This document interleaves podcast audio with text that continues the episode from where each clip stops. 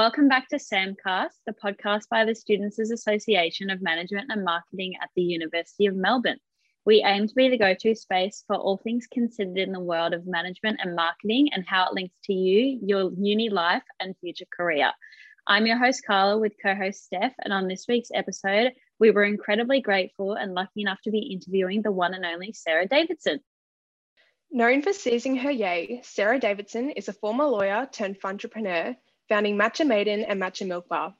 Not long after Sarah's success grew, she created her well known podcast, Seize the Yay, followed, listened, and loved by many, including us. Sarah's enthusiasm for life, passionate attitude, and glowing personality is noticed by all, and we are so grateful to have her on the show with us today. So, welcome to SAMcast Podcast, Sarah. Thank you so much. What a delightful introduction. You guys are so good for my self esteem. Now, just coming out of lockdown, it can be tough to search for the positives and to keep ourselves motivated every day. So, first and foremost, Sarah, to kick off the episode, we would just like to ask how are you going and what positive have you found from being in lockdown? Oh, thank you so much for asking. I think one of the really beautiful silver linings that's come out of all this is people checking in on each other a little bit more and maybe being a bit more open about how they're feeling, how important connection is. It's obviously been, I mean, five rounds now, I think, for us yep. in Victoria. So a, a true emotional roller coaster. And I think even for those who are pretty used to finding positives and silver linings, there are many to be found. And um, there are lots of great things that have come out of it. We wouldn't have wished for it to happen this way, of course. But I think even the really positive pandas like myself have had some pretty tough moments. It's a very jarring time. But I think when the dust does settle, as you do start to come out, you can reflect on the fact that our pace of life is just so fast. We're constantly bombarded by so much information and really never get a chance to stop and just breathe and think about the things in your life that are working, maybe some of the things that aren't working so well. But because you're just on this like treadmill all the time, you don't really you know give yourself a chance to to stop and block out all the noise and reevaluate. And i think everyone's been forced to do that by being stuck in their homes being stuck with their, their you know their own thoughts probably for the first time in a long time. And i think it's allowed a lot of people to maybe let go of some of the things that they that aren't as useful or that aren't serving them anymore um, and have allowed people to make more conscious choices something that I'm really fascinated by is the idea that you can go a really long time in your life just reacting to what happens and feeling like life is happening to you and you have no control. But actually, when you start to flip your mindset, you realize you you have choice. You have a lot of choice over what your day looks like and the mindset you bring to it. And I think people are feeling that more now that they realize when nothing is certain, anything is possible. And I think uncertainty is so uncomfortable. It's been so tumultuous, but it's also shown people actually it means that you can do anything. You can be anyone. We've all had a clean slate. I mean, when was the last time anyone had that? It's really exciting. Yeah, I mean, that's definitely a positive way of looking at lockdown, but fingers crossed that is the last one that we have to go through in Melbourne. Yeah, absolutely. For those who may be listening and haven't heard of you or your background, are you able to tell us a bit about yourself, Sarah, and your journey to seizing your yay and becoming a entrepreneur? Yeah, for sure. I'm not very good at short stories, so just cut me off if I start to ramble. so I started off on a really conventional, traditional legal career pathway, not necessarily because I thought I wanted to be a lawyer like most people do law, not because they want to be a lawyer, but more just because I didn't really know what I wanted to do. And I think something that now I'm really fascinated by is chatting to people earlier on in their journey who do have lots of different interests. And it's a wonderful thing to be interested and excited about lots of different things, but it also makes making decisions really, really difficult. I, I think it's very rare that you find people who wake up one day when they're five and are like, I want to be a doctor, yeah. become a doctor, and that's it. And most of us are like, I don't know what I want to do. I still don't really know what I want to be. But um, if you look back at I, I, think my pathway has been really characterized by a few big sliding doors moments. The very first one was that I was born into an orphanage in South Korea and was adopted when I was five months old. So, you know, we often, I think there are moments like coronavirus, for example, where it shocks people into thinking, how lucky are we to be in this country? How lucky are we to have all the things we have? That's, t- you know, really acute for me because it could have been different. I am literally so lucky that someone plucked me out of a different, you know, different country and gave me the opportunity to grow up here. So that made me very, very grateful to be here and probably a little bit over enthusiastic about trying everything and making the most of every opportunity. So, my whole childhood was very much super, super nerd burger at school. I loved academics, but also like, what's every extracurricular activity I can do? So, sport, drama, music.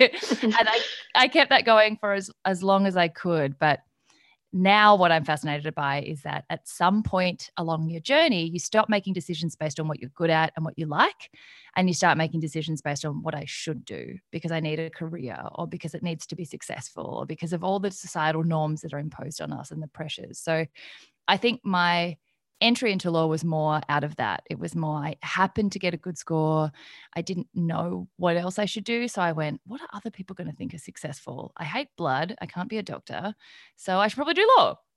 So all through uni, I uh, kept both of those kind of academic side going, which I loved. But I also did arts law, so I could do languages and travel. I did kept doing sport and drama and music, and had like five part time jobs, and just loved life and then again, um, still hadn't figured out what I wanted to do by the end of uni. So just tried my best. And my mum gave me some amazing advice, which was if you don't know what you want to do, you've got to do something. The time is going to pass anyway. So you might as well be doing something that'll open more doors rather than something that's going to open less doors because you know, you could spend that next three years or whatever it is doing nothing, or you could spend it building up something at least.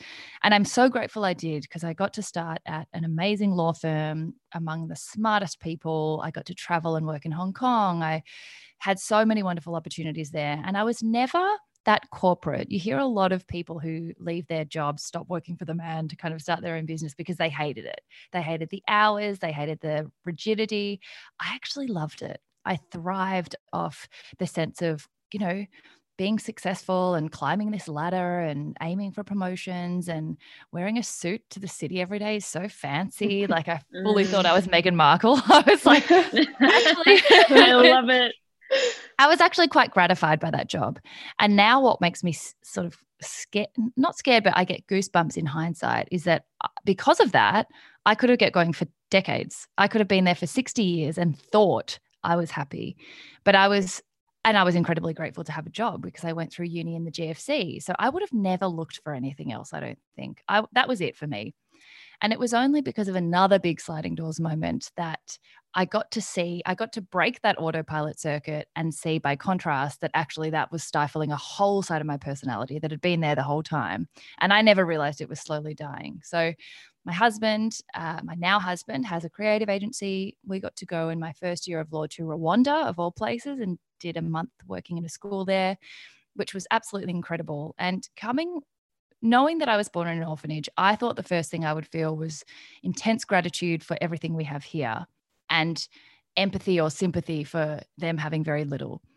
But what I saw was happier children playing with a leaf for 12 hours than the kids back home with their Game Boys and their Xboxes and then all they want, they've got everything, but they just want more. And the adults were the same. The adults over there would break into song because they were so happy to see each other. But back here, we have everything, but all we want is the next promotion or the bigger house or, you know, the best handbags or whatever it is.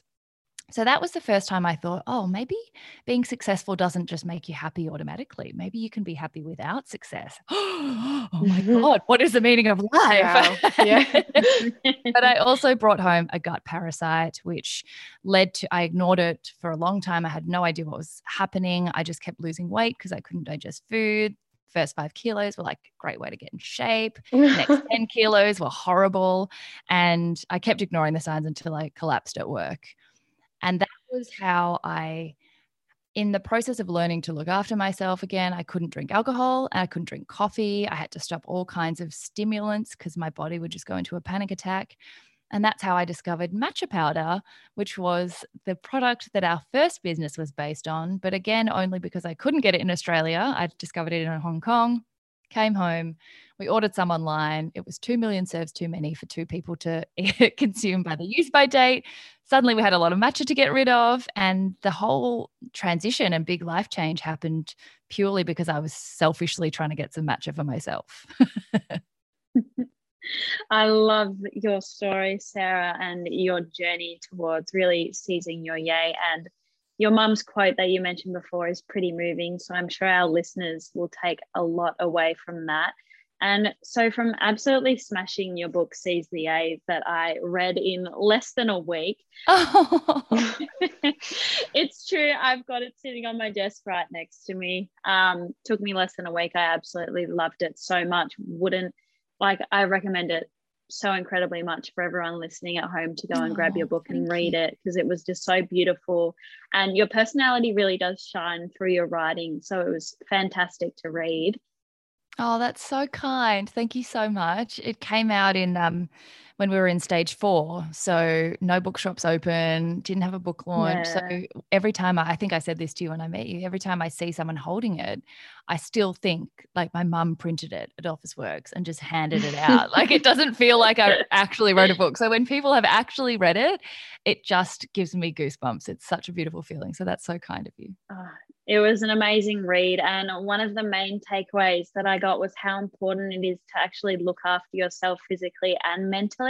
So you can show up bigger and better for future you and mm-hmm. limit any potential burnouts that might come along. So when your mind and body is telling you it's time to, for a rest, it's time for a bath, what do you do to fully relax and reset? time for a bath. That was the, the other silver lining of lockdown. I lived in the bath. It was a great time. uh, that's such a good question. And I really think that for someone who considers myself pretty, you know, pretty quick on the uptake. I'm a fast learner. The only area where I'm like remarkably unable to process any information of any kind is wellness. It's like the slowest area of progress for me. I'm still learning. I'm still terrible at it. I make mistakes all the time. But it's it's taken me a lot of fully burning out to realize where my limits are and it's been like a, a very slow process of learning one step at a time. So that first burnout that led to Matcha Maiden was very much physical. It was very much just, you know, I would eat a broccoli and I'd do a spin class at 5 a.m. And then I'd be like, tick, like my wellness is done. Why am I still losing weight and passing out at work?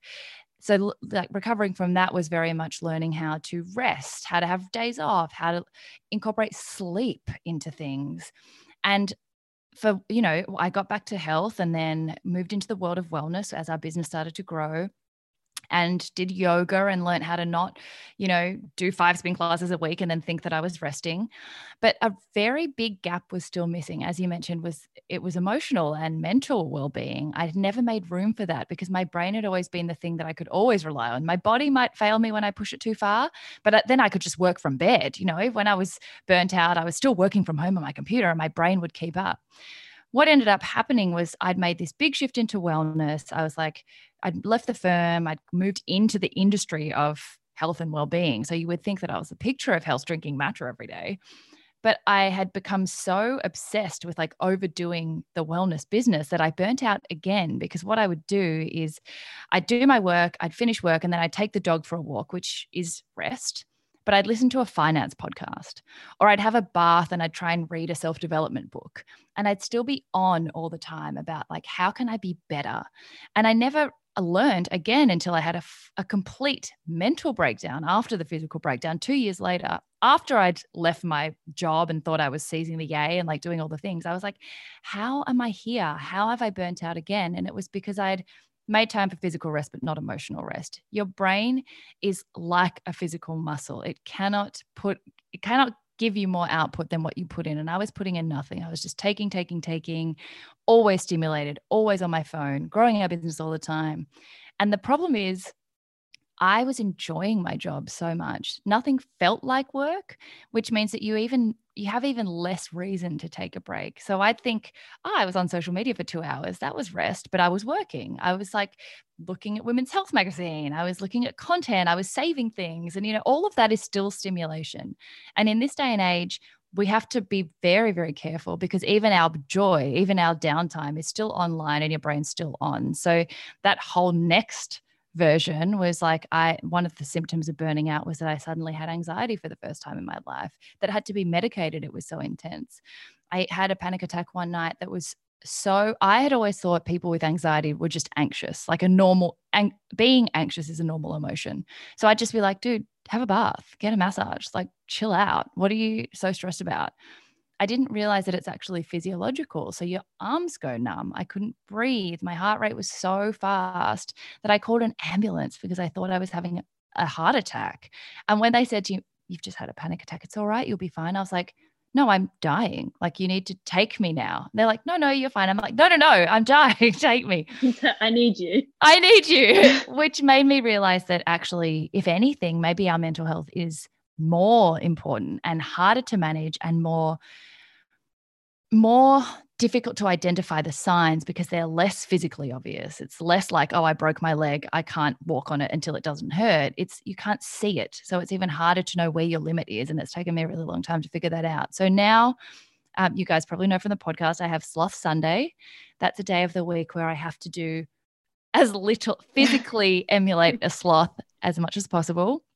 I have activities called Play TA, which is a whole category of things I've had to learn that I enjoy that aren't productive, don't have an outcome, they would be classified as a waste of time because there's no, you don't learn anything from them. They're just for fun. Like board games are so unproductive that you, like, once you build a puzzle, you ruin the puzzle at the end. That's how unproductive it is.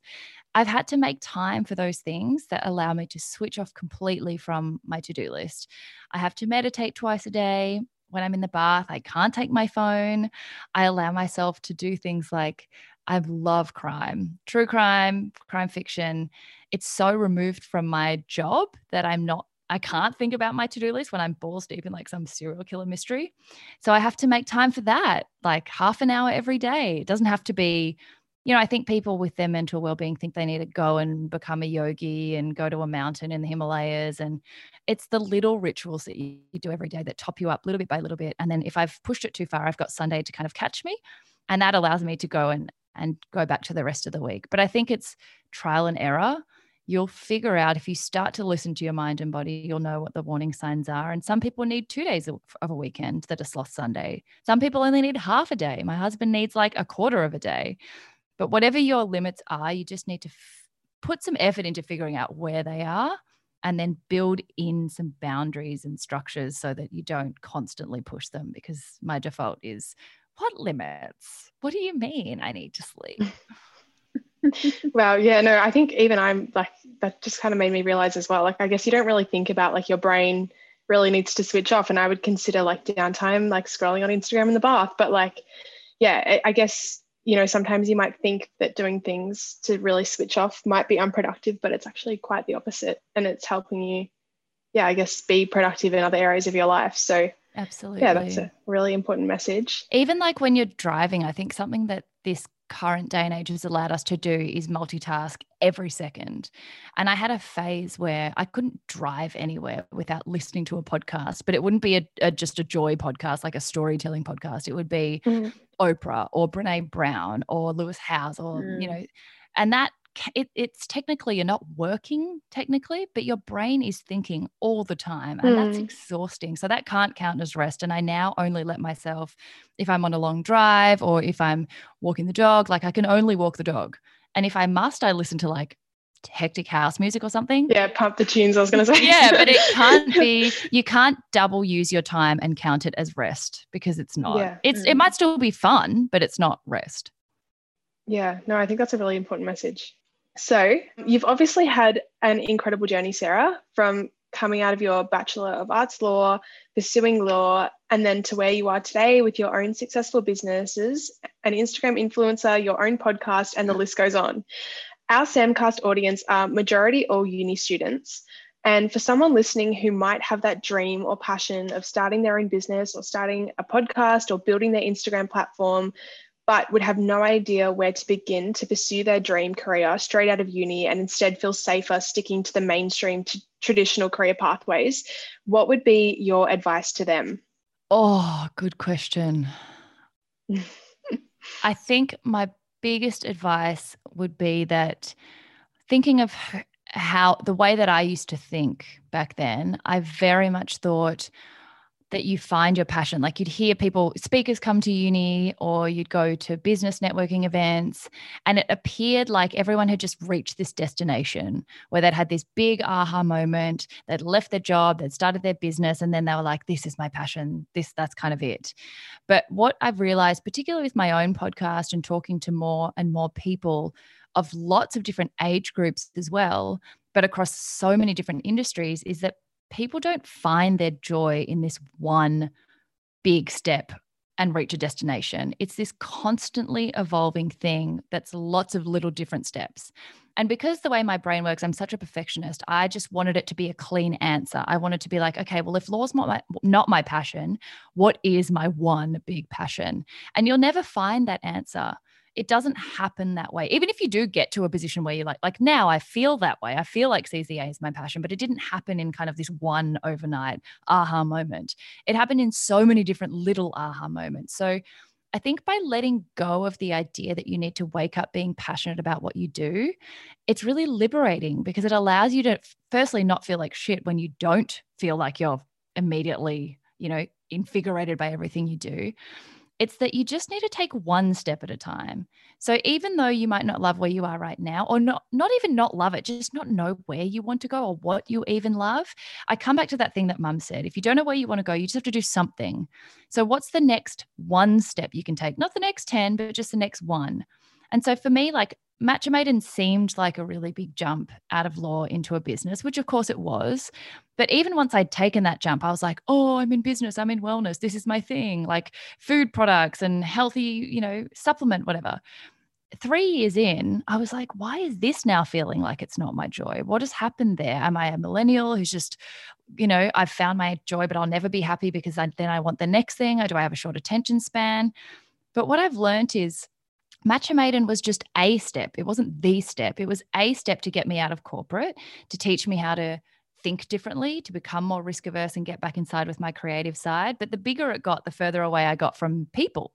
I was in a factory. I was only negotiating at boardrooms. There was no no connection that's what i love as you can see i love these kind of conversations i love the speaking gigs and so i realized seize the yay started to brew years before i actually started the podcast just like there's a gap. How do I fill it? And now, even now, I was like, the book came out because I was like, there's a gap in the bit of me that loves writing. I love conversations, but I also missed writing. So, how do I fill that gap? And even looking at my last five years, let alone my last 15, it's not been one big jump. It's been like small tweaks along the way. So, I think you only need to worry about what your immediate next step is. And if that's starting to go to one more business networking event than you would have otherwise, talking to one more person, shooting a few emails out, or just starting a podcast to do one episode, not to become like a multi million download episode, but just to pick your first guest or go and research microphones. Like you can only actually do one thing at a time. So even when we started a business, I was like, oh my God, I know nothing about shipping. How am I going to ship into the US because they have the FDA and they've got all these weird restrictions, blah, blah, blah. We hadn't sold to anyone in Australia. So I was like, why are you using a whole week doing research on the US when you didn't even have a shipping system for Caulfield? Like, mate, calm down. but our brain automatically goes to like the end of the road. So I think allow yourself you're at the stage of your life you're not expected to know anything you're you're so at the very very beginning of the bottom of the staircase and every step you take you've got so many steps ahead of you you don't need to end up at the end stair of the staircase at the beginning. And if you look at anyone's career, like just go back and listen to three episodes of the podcast, everyone's taken like 10 to 20 steps to get to where they are now. And they've still got 10 to 20 steps to go. So, yeah, I think to start putting out the feelers, the more you do, the more you're going to learn about yourself. The more you learn about yourself, the more you'll be able to take more smaller steps towards the thing that you want to do. And in the way the world moves at the moment, it's so fast that even if you have a product idea and you launch it and it's perfect and it sells out, by the next month, by the time you can even manufacture the next one, your audience probably wants something slightly different.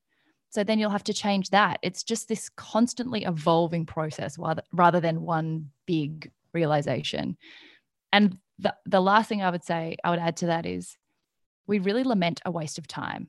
Like anyone who starts a degree and doesn't enjoy it, is like, oh, I've wasted my life. Like it's too late. I'm 23. I can't do another degree. I'm 32. And I'm like, I would go back and do another degree now because it's interesting. Like you think that you're wasting time if you're not doing exactly what you should be doing. But I look back at everything and think everything you do is either giving you new jigsaw puzzle pieces of your passion or life or purpose and getting rid of ones you don't like.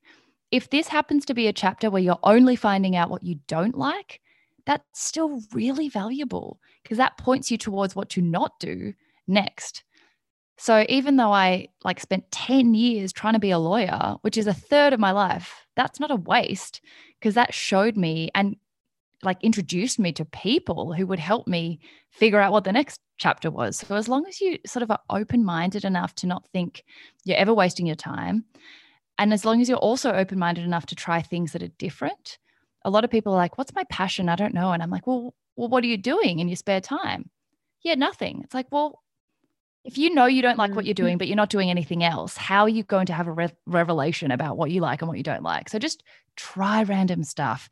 Go do pottery classes, do horse riding, go and like go to a chess club, like just do lots of different stuff if you don't know where you want to go. And each bit of information that you put together is adding to the tapestry that will eventually start to become clearer. Wow. I hope wow. all of our listeners at home are writing notes on this because this is amazing advice. this is what all of us need.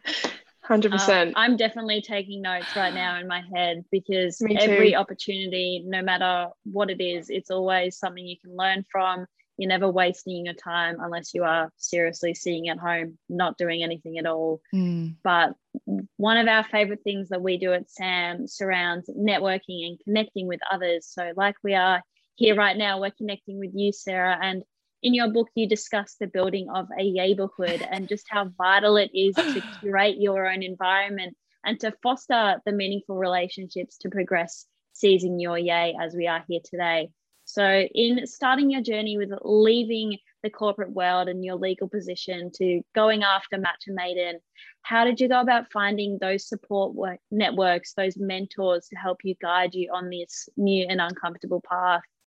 Yeah, that's another really great question because I think it's one of those things where a lot of the time, like in my legal career, even though the learning curve was really steep and it was scary going into a law firm for the first time, you always have a superior. There's like 75 superiors that you could turn to to teach you something if you don't know what you're going to do. Or like there's always a, an obvious mentor. You even have a buddy at the start. Like, so even if you trip and fall, like there's always someone to pick you up. Moving into business, you suddenly go from having colleagues and a support network and a partner and a senior associate and all these things to having nobody. And not only nobody, but because the nature of business is that we're all doing something different. Even if there are people who start at the same time as you or who started 10 years before you, there's no clear like who's more senior than the other or their experience might be of a business, you know, with a slightly different structure. So it's not, there's no obvious person who has the exact experience that's relevant to you. So something that I really romanticized at the start was, well, I need a mentor because so many people talk about their one big mentor, like Oprah was my mentor or whatever it's similar to what I was saying about the whole like finding your passion thing and why I call it building a neighborhood rather than finding a mentor is actually you need different people for different things in your life and not just if you go into business especially if you do but in anything so even when i was a lawyer i would probably like looking back i built a really good corporate network but i only built the network for for what i needed like at the start, I only was talking to people in the areas I wanted to go into or who'd done the things that I maybe wanted to do. But as I started to move into like, okay, maybe I want to do UN law or different areas of law, or maybe I want to go in house. You start to realize you need to shift the people that you have coffees with. You need to start doing a little bit more research about different people who you don't already know and ask for introductions. So I'd started to do that. And then when I realized maybe I even like, what I never knew that I was doing at the time was I used to go to like the League of Extraordinary Women events, for example, since I was at uni. So before I even got into the workforce, I was going to an event which helps you start a business before I even started a career, which was the career I had to leave to start a business. So I didn't actually know that I was networking before I needed it in areas that weren't relevant to me but that now, like 10 years later, people I've met at those events, I'm like, remember that thing we went to? And oh my God, we've been friends for 10 years. And I never knew that you, I'd need you, and you never knew that you'd need me. So I think the most important thing is firstly build your neighborhood or network for lots of different things. The per- even in your friendships in your personal life the person you go to for like soft gentle hug me when i'm crying is not the same person you go to for like the hard truth when you just want someone to be brutal with you. That's the same in business. You need a mentor who's going to be your finance mentor your marketing mentor your emotional mentor like build for all the different things you need. But then outside that circle build for the things you don't need yet because sometimes mm. it becomes a bit too transactional where you're like, I need a logistics expert. Hit up a logistics expert on LinkedIn. Hello, what can you do for me? If you just start nurturing relationships before you even know, just because you think they're interesting people, those are the people I found 10 years later will do anything for you because it was like you gave me your time and you were interested in me before you needed something. And that is really valuable because as much as you can foster relationships really quickly, you actually have to build really strong foundations over a long amount of time before you start asking for things. So I think, mm. yeah, have those two sort of circles. Don't try and put all your eggs in one basket for one mentor. And also be like, be generous with your time and with your knowledge. Do the same for like the one thing in business that's interesting is the people who have been immeasurably helpful to me, I can probably never pay them back because they're so far ahead of us. Like there have been things I've been able to do, have them on the podcast when they launch a new product or whatever. But the main expectation is that you pay it forward to the next generation. So you're always passing on the knowledge. And the more that you are generous with your time and your wisdom, the more you get that back. So just it's the wankiest, most uncomfortable activity for most people to do in their life. Like breaking the circle at a networking event is so flipping awkward. But the amount of times I've pushed through that discomfort to do it the relationships I've made in those circles 10 years later are so useful. So make an effort to network as widely and as broadly as you can. And it becomes a little bit like a project. Like go home and write down the names of the people you met and what their position was and why you think they're interesting. Collect business cards, like those kind of things. It sounds silly, that if you have all those notes in one place, one day you will go back and be really, really grateful that you put the time in. Because some people will go into a room with a hundred geniuses and walk and talk to themselves because they're awkward, not make a new friend, leave. And what what a shame. They miss the chance to make a hundred new friends. So never leave a room without having networked in some form or another. And you're setting yourself up so well for whatever you end up doing. Beautiful. Wow. Yeah, no, so you obviously have a very strong neighborhood behind you that's helped you have the courage and confidence to get to where you are today. Um, but there obviously is still a stigma when it comes to leaving a comfortable career despite the courage and confidence and going into an uncertain but potentially very rewarding new pathway. Were there still moments during that time for you where you thought, maybe this isn't for me or I'm doing the wrong thing? Every day every day. yeah. I think um, I never really had a moment of regret. I never was, and I, I think we were very, very lucky that the first business that we launched happened to be at a time where the market for that particular product was booming, but no one else was really doing it. So, because it was so quick, and I know not every business experiences this because the first bit where you would otherwise freak out and go, What have I done? I want to go back to my job because we didn't really have time to think about that because it was just so like, Oh my God, we've got customers. What have we done? We've created a monster. Now we need to actually keep up with this random demand that we've created. I didn't get a lot of time to think about regret. But every day there was like, I don't know what I'm doing. Like, how am I going to figure this out? Am I worthy of this? Do I have the skills? Why did I go into something that I have no degree in, no training, no mentor, no in whatsoever? And I think that is something I expected would disappear or fade a little bit as I got more experienced, more established. We had more, you know, accolades under our belt, and it never did. And what I once thought of as, oh, well, that means you haven't sorted your shit out. That means not that you're a failure, but like, why are you still so uncertain? Now I see that self doubt as a good thing. It means I never got complacent.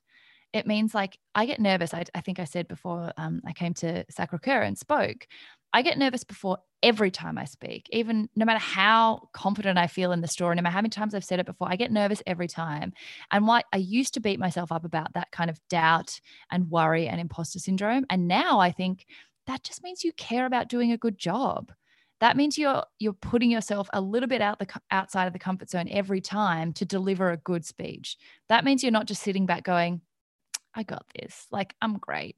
And the minute it does go away will be the minute I think I've got to do something else. Like, I've got to level up again because I've become too comfortable. The difference is everyone who moves into something new will feel that kind of like panic of, oh my God, what have I done? But some people let it topple them and let let it make them make a decision like, I should go back to my job because I'm not good enough, or I should not put myself out there for this opportunity because I won't get it. That is the greatest shame because it's a it's a reflexive protective mechanism. It's not the truth. It's just there to protect you because you're doing something new. It's just a signal of like, ah, this is unfamiliar. But the, the whole point is to just push through it and go, okay, that was helpful. Thank you. You've shown me where I am. You've proven to me that I'm growing, but like, let's push through and do it anyway. Because if there's a risk that it can go badly, there has to also be a risk that it can go well. You can't have one without the other. And yet all of us are like, I'm always going to choose to see the possible negative scenario, but you don't ever indulge in allowing yourself to think of the positive scenario. But you can't have mm. you can't have it that way. You either have to acknowledge both or none. So I think it's totally natural. It's a great sign. That kind of self-doubt and anxiety is definitely something that you think no one else is feeling. Everyone else is feeling it. We get very good at hiding it. That whole fake it till you make it thing is a cliche for a reason. I still every day wake up and have days where I'm like, what am I doing? Like, who am I to even be on a podcast? Like, what what have I done that allows me to tell other people what to do? Or, you know, I still don't know what I'm doing. Like, I make mistakes all the time with podcasting and audio editing. And one of the biggest interviews I ever did, I like totally screwed up the audio. So there's this buzz over the whole audio of the guest. Like that stuff happens all the time. But I think the the the most important thing is you don't let that ever stop you in your tracks or make you take a step backwards out of fear that you're doing the wrong thing. As long as you just keep pushing through it, it's, yeah, it's a part of doing something that's outside your comfort zone. And that's a good thing because that means you're always growing. Isn't that so mm. funny, Carla? We were literally having the conversation like right before you came on. We were like, why are we right so before. nervous? And we're like, oh, it's because we really care. Like, yeah, it's a yeah. good thing. Yeah, it's absolutely a good thing. And it's like as long as you don't let it go, okay, we're going to cancel because, you know, we're not going to do a good job or whatever. As long as you just acknowledge it and push through it, it's not ever about making it disappear. It's just about knowing what to do with it. But it's it's the best, mm. most like healthiest indicator that you're doing something that you care about and that challenges you. That's the thing that it challenges you because people who never feel that feeling are just sitting in what they know and they're doing the same thing over and over again. And you wouldn't necessarily want to be that person. Mm, and that definitely goes along the lines of you'll never know until you try. And if you let that self doubt just sit sit there and stop you from doing things that could potentially be so successful for you, you'll you'll never know unless you just take the leap, take that jump of faith, and just go with it. Totally. And I think like that quote of um, I'd rather an oops than a what if. Like you'd rather mm. try and go, oh, maybe that wasn't the right thing, than always sit wondering, like, what if I what if it had gone well? Like how horrible to look back and think I could have done this amazing thing, but I never let myself see how well it could have gone. Like you'd rather try and then just tweak and fix and improve along the way than than never try. Mm, definitely. And along those lines, I know myself, I used to think this way, and a lot of students, and both men and women our age, older and younger, still hold this belief that failure equals bad. And it does take a lot of inner work to realize that failure is only a failure if you either ref- refuse to learn from the situations or never take the opportunities when they're there for you. So, mm. when making a mistake, learning the lesson and improving for next time, what inner work or mentality shift did you have to go through in order to achieve this new mindset of actually failure equals this fantastic learning opportunity for me to improve and grow? I love that you called it inner work because that's exactly what it is. It's not that anything on the outside necessarily changes, it's your way that you respond to those things. And failure is definitely something that is portrayed as having a really negative connotation. And there are absolutely things that have happened to us that were undoubtedly a failure, like major screw ups where we've lost money or things haven't arrived or we've ordered like the actual wrong thing. Like that's indisputably a failure. But I think what I've learned is that you do have two options. You can either call it a failure and and see it as a reason to like never do that thing again and like literally close your business because you made a mistake one time or you can see it as a learning opportunity. And that's why my biggest like trigger for me when i am spiraling into oh my god i failed. Like i should close the business because i'm a failure is to see the two options as you win or you learn. Either you win because you planned it out it went exactly how you planned and tick in which case you probably didn't learn anything new, but it felt nice because it went how you thought it would. Or it didn't go well, and maybe there's a technical failure in there somewhere, but there's also always a lesson. And it's sometimes really hard to find the lesson, and sometimes it, you don't see it until a long time later. But I've almost trained myself to see it, to go back to that quote so quickly that the pain and embarrassment or cringe or whatever it is, the suffering that I would normally get from seeing something as a failure is almost only momentary now because I go, okay, quick, go to the lesson. What is the lesson? And so one time we didn't get insurance, which was a big risk, but we were like, we couldn't afford it at the time. But then we weren't covered for marine insurance and like $30,000 worth of stock fell off the side of a boat. We lost $30,000 worth of stock. That nearly sunk us. That was a, like an actual failure. But the lesson that I went straight to was okay, well, I'm glad we learned that we need marine insurance before we lost $300,000 mm. worth of stock. So even if the lesson is only a hypothetical, like this saved me from maybe doing worse next time, that's still always something you can get your brain to see that even though it sucks right now, I could have made this lesson in five years when we were dealing in such bigger numbers, such bigger risks, such bigger stakeholders. Imagine if we'd had investors then. Imagine if we'd tripled the order. You know, there are so many different ways that you can frame it in a way that's like, this is a lesson and this has made me bigger and better for tomorrow. And once you have a healthy attitude towards failure, it's suddenly not really a, a thing. Like once you accept that mm. as a perfectionist, I used to think you have to get it right the first time now I realize I'll only become perfect by getting it wrong every time along the way until I eventually get it right.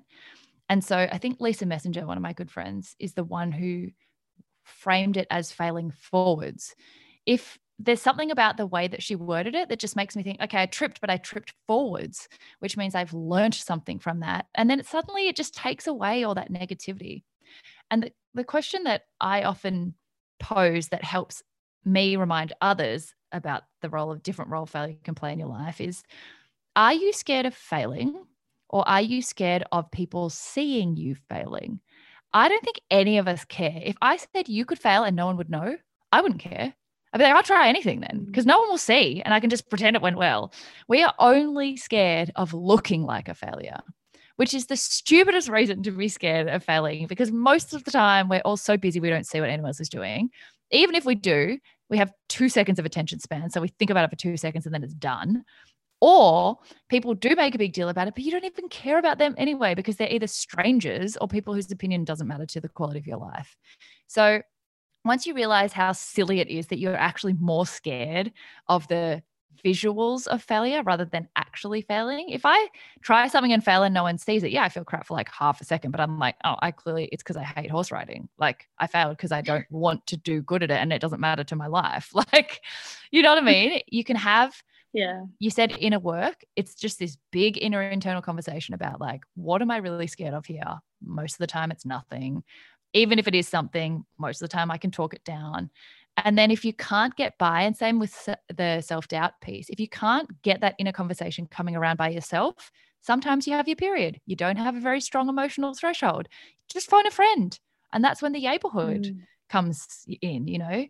Just call someone. If we've all got that pep up friend, you've got your pep up friend who will remind you that you're amazing and you can do it and you've done it before. And like there's no weakness in in having a moment where you need someone else to help you get through it. But I think this like dialogue, how you approach the dialogue around something is how it affects your life. So just practice how you approach failure and you get better at it. Yeah, wow. I mean, obviously all these lessons have helped you like acquire a lot of knowledge and value along the way and clearly you have a lot of wisdom to share um, but in your book you also discuss your upbringing and your parents um, what are some values and wisdom that were instilled by them into you from a young age and have you changed or added any along your path i think our the best thing our parents did was not try and steer us in one direction or the other, but rather let us just kind of go like maybe too much, but just like if we wanted to try lacrosse, they'd be like, okay, we know nothing about lacrosse. You know nothing about lacrosse. You're the total wrong whatever for lacrosse, but like we'll support you in that. We'll drive you there. You know, they really allowed us to indulge in every whim of an interest that we might have had, which I'm sure was like to their massive detriment. They spent hours and hours and money buying us equipment and like letting us drag them around to, you know, whatever. We've done every activity ever. But that kind of helped when you're a kid, you don't have as much fear, you don't have as much awareness about the people's sort of thoughts about you. So if you get used to trying lots of things and some of them working and sticking and some of them not sticking early, then it's not as scary when you're an adult, which meant that when I got to school, I didn't care if I tried, like, of course, I wanted to be the best at everything, like the A type in me wants to win. But if I tried, like, I tried playing trumpet one year because I was like, I don't know, I just thought it'd be fun. I sucked. I was so bad at it, but I didn't care because I'd been so used to just trying stuff and then going, oh, okay, well, that wasn't my instrument. So let's try a different instrument. And I think that's, it's so hard. And especially now as I have a lot of friends who are starting to have their own children, it's so incredibly hard not to pass on all your values and all your beliefs. And like if you love ballet or you love cricket or footy and you want your kids to love that too, like of course you want to pass that on. But I think encouraging the widest range of like interests and and not needing to be good at all of them or not needing to turn any of them into a career, just having lots of different things on the go is the best thing they ever did because it, it meant that it made it very hard to decide what I did want to do, as I mentioned before. But I feel like we've had even even at this early stage of my life, I feel like I've had such a full life because I've never just gone one path, one thing, and have experienced so much and met so many people. And like even the things that I only did for a little while, like there are so many connections and friends now I have that I was like, oh, we were on a chess team for like a month. But you know, now we run into each other at other things. And yeah, I think um, they gave us such an intense love for trying stuff. And also, it's a very hard thing being looking different when you're so young. So both my brother and I are both adopted from Korea. Our parents are country bumpkin, Caucasian, like very white looking parents. And which is great, really interesting, hilarious. People get like so confused. Um, but from a young age also encouraging us to embrace difference as a good thing that's also i mean it was obviously hard we've had a lot of racism a lot of bullying and even without any kind of negativity kids just being curious about like who's your real parents? Like of course they ask questions they're curious. But like helping us embrace that narrative as oh this is something unique and different in a good way not like oh we're different so that's weird. That's also helped a lot to just be not worried about being quirky. And like of course i've still worried about being quirky and i've done the stupidest weirdest things to fit into my time. But i think having that support of like no matter what you are supported it just means that you feel when you do have those moments of self-doubt there's this base level like but my parents will love me anyway you know like it just mm. you can really be a kid's launch pad or you can be the thing that takes away their excitement for life and i think they did the the former so well wow that's amazing. And I hope all our listeners are again writing notes on this because it's true what Sarah just said. If you have something that you want to try, just try it because if it ends up not being something for you, you've learned that now and at least you've tried it rather than then again wondering, what if I was apparently good at chess? like you'd never know until you try. Absolutely. So, before we round up the episode, Sarah, we want to make sure that our listeners know exactly where to find you. So, where should they go to look to learn more about you and seizing your yay? Oh, I think the easiest place is probably Spoonful of Sarah on Instagram because all the other million random things are connected and linked there. So that's probably, I live on the internet other than on Sloth Sundays. Ah. Um, so you'll definitely be able to find me somewhere.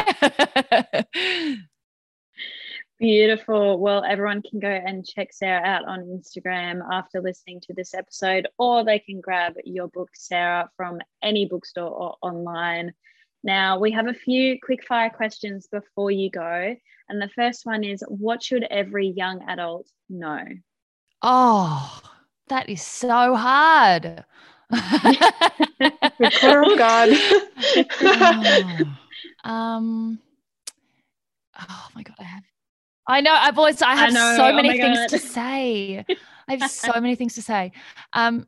Oh my God. Every young adult should know that there is no such thing at oh, I think basically what I said before that there is no such thing as a wasted time a waste of time or a wasted experience. So even the bits at, that you hate, even the bits that you look back as like the darkest times of your life, there's always something to learn out of each chapter. So embrace the one that you're in for whatever it'll teach you later on. Um, but that also sometimes the lesson doesn't become clear till a lot later. So patience is the best thing that you can have. What a perfect answer. And another question for you, so it might be a bit easier. What was your favorite subject at uni? Ooh. Uh, I loved uni. Um, I think my yeah, my favorite subject was criminal law because Oh, nice. I didn't want to be a criminal lawyer. I always knew I'd be too scared and like just, you know, didn't yeah, I just didn't want to do it. I'm too emotional. I would take it home with me. But because I just freaking love like SVU and CSI and Law and Order and like NCIS. It was like that, but real life. It was like forensics. And yeah, it was so cool. All the case studies were like actual serial killer cases, but the real life cases. Mm. So it was, yeah, it was so much fun. It was just like Law and Order, but at university. And then Yeah, wow. these, yeah, it was it was really great. you got And to have that moment, yeah. and then like Yeah. the, the questions in the exam and stuff would be like hypothetical murder scenarios and it would be so cool i'd be like oh i'm oh defending my this God. person yeah that was really fun and i also did five exchanges so i did lots of subjects Wow. overseas and they were equally my favorite but not because of the subject more because i was just like off in europe just being a flog Oh, I'm so jealous of exchange. Having the best Yeah. time. Yeah. well that oh that's the other thing i would tell every young person that there are certain things you will only do when you're young. So do them. Do them all all of the things because you'll get to hmm. an age where suddenly you you know too much and you're too sensible and you get old and you get tired. So just do all like do the all-nighters and stuff so that you never regret that you didn't do them because i definitely didn't miss out. Like i apply my a type like i need to be the best at everything to partying also and now i don't love that. regret Yes. because I'm Nice. I was a host at a nightclub and it was a great time. and I met my husband there. So actually, it was good for my future. Wow. Oh, we love there you that. go. Best advice right, of the episode. I'm. Um, Yeah. Get wasted Yeah. while you can. And along- along those lines, next fire question What makes you the happiest?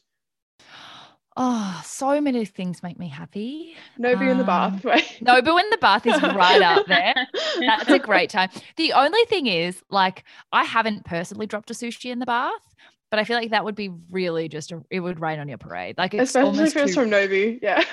Yeah, and then like it's a waste of like each sushi Yeah. is like a hundred dollars, so it's like you know. Yeah. no, but lo- bubble baths my favorite. They make me so happy. Um, our golden retriever makes me so I was gonna say. His name is Paul. Paul.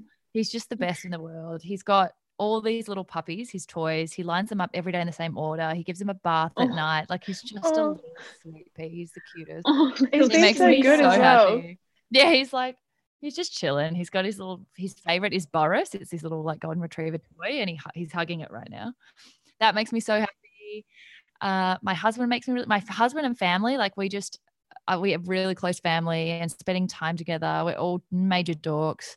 Have movie nights together and we go my mum's um, hometown is in the country in regional victoria we go there for easter every year like all my aunties that mum grew up with she has one sister but we have like 85 aunties that we just call aunties we all spend like 12 of us in this one not 12 like seven or eight of us all in this one tiny house that my mum grew up in which is exactly the same as it was in like the 60s and it's so basic but it's just so much fun we just don't wear shoes for a week and like frolic in the countryside. It's so beautiful.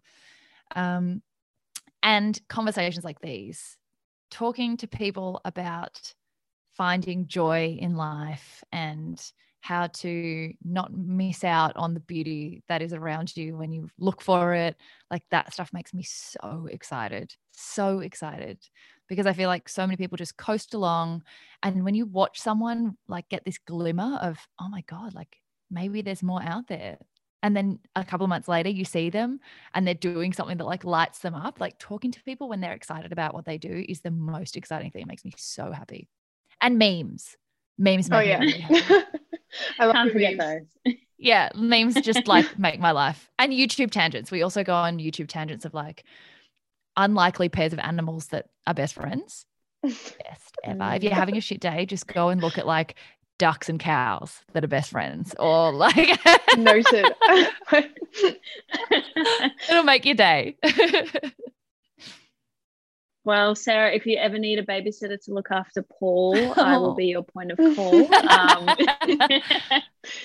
I do love my golden retrievers. But lastly, what are you the most curious about at the moment?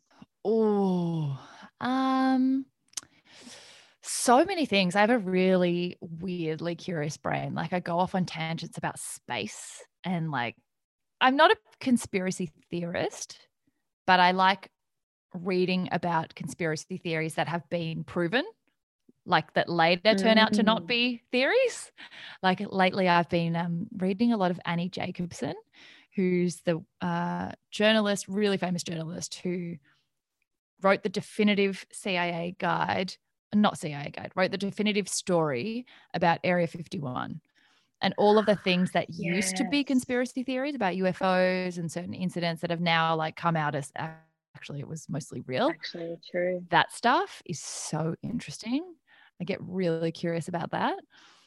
Uh, you'll know from the podcast, I, I love niche communities, like anything that is super niche and specific that I know nothing about, but you hear about. I love to like dig really deep. So I just had um, a guy on who was a paramedic and combat medic in Afghanistan. Like hearing about people's lives that are so different to yours, I get so fascinated. Like I'm supposed to ask questions about joy, but I suddenly am like, tell me everything about like he was in the jungle in Papua New Guinea. I'm like, tell me about like snake bites and stuff. Like I get so curious about just stuff I know nothing about. So everything really is my answer. Yeah. Wow. I love that. Well, yeah, I've got a weird brain. It's like I don't. This is why it's hard for me to sleep because I lie awake like combat medicine. Area fifty one. I know. and like once you get on a tangent, like you buy the book. Like so, I heard Annie Jacobsen on Joe Rogan, and I was like, it was a three hour episode. I, I was driving. I kept driving around in circles so I could finish the episode. Bought the book, bought the next book. Like I'm obsessed. I can't just like halfway do something. I have to yeah. become I'm like, I need to go to Area 51. I need to become like a aerospace engineer now. oh my gosh. I actually tried to find that episode on Apple Podcasts the other day and it wasn't there. He moved to so Spotify. I thought it was deleted. I think wow. he'd moved. I think he'd moved by then. So he had like a hundred million dollar deal to move the whole show onto Spotify, and the the ones that had already been uploaded on Apple were allowed to stay there. But I think she she was in the next batch. I don't know, but it's amazing. Just buy the book. Buy the book. That's what I'll do. Buy the book. You'll froth it. I was just like, I'll go through it in a week. quicker, quicker. You won't be able to put it down. And I was in the bath as well, so the water was cold. Of but course. I was like, yeah. oh my god, I must finish. yeah. Well, Sarah, we honestly we've taken so much out of this episode today. There's been so much wisdom and advice, and we cannot thank you enough. Um, I know Carla and myself are so grateful to have had you on here today. And I know our listeners will also have taken so much out of the podcast. So thank you so much for coming on today it's been fantastic. Thank you guys so much for having me and congratulations on everything you're doing. It's so wonderful. If there had been podcasts like yours when I was at uni, maybe I would have seized my yay a little bit earlier.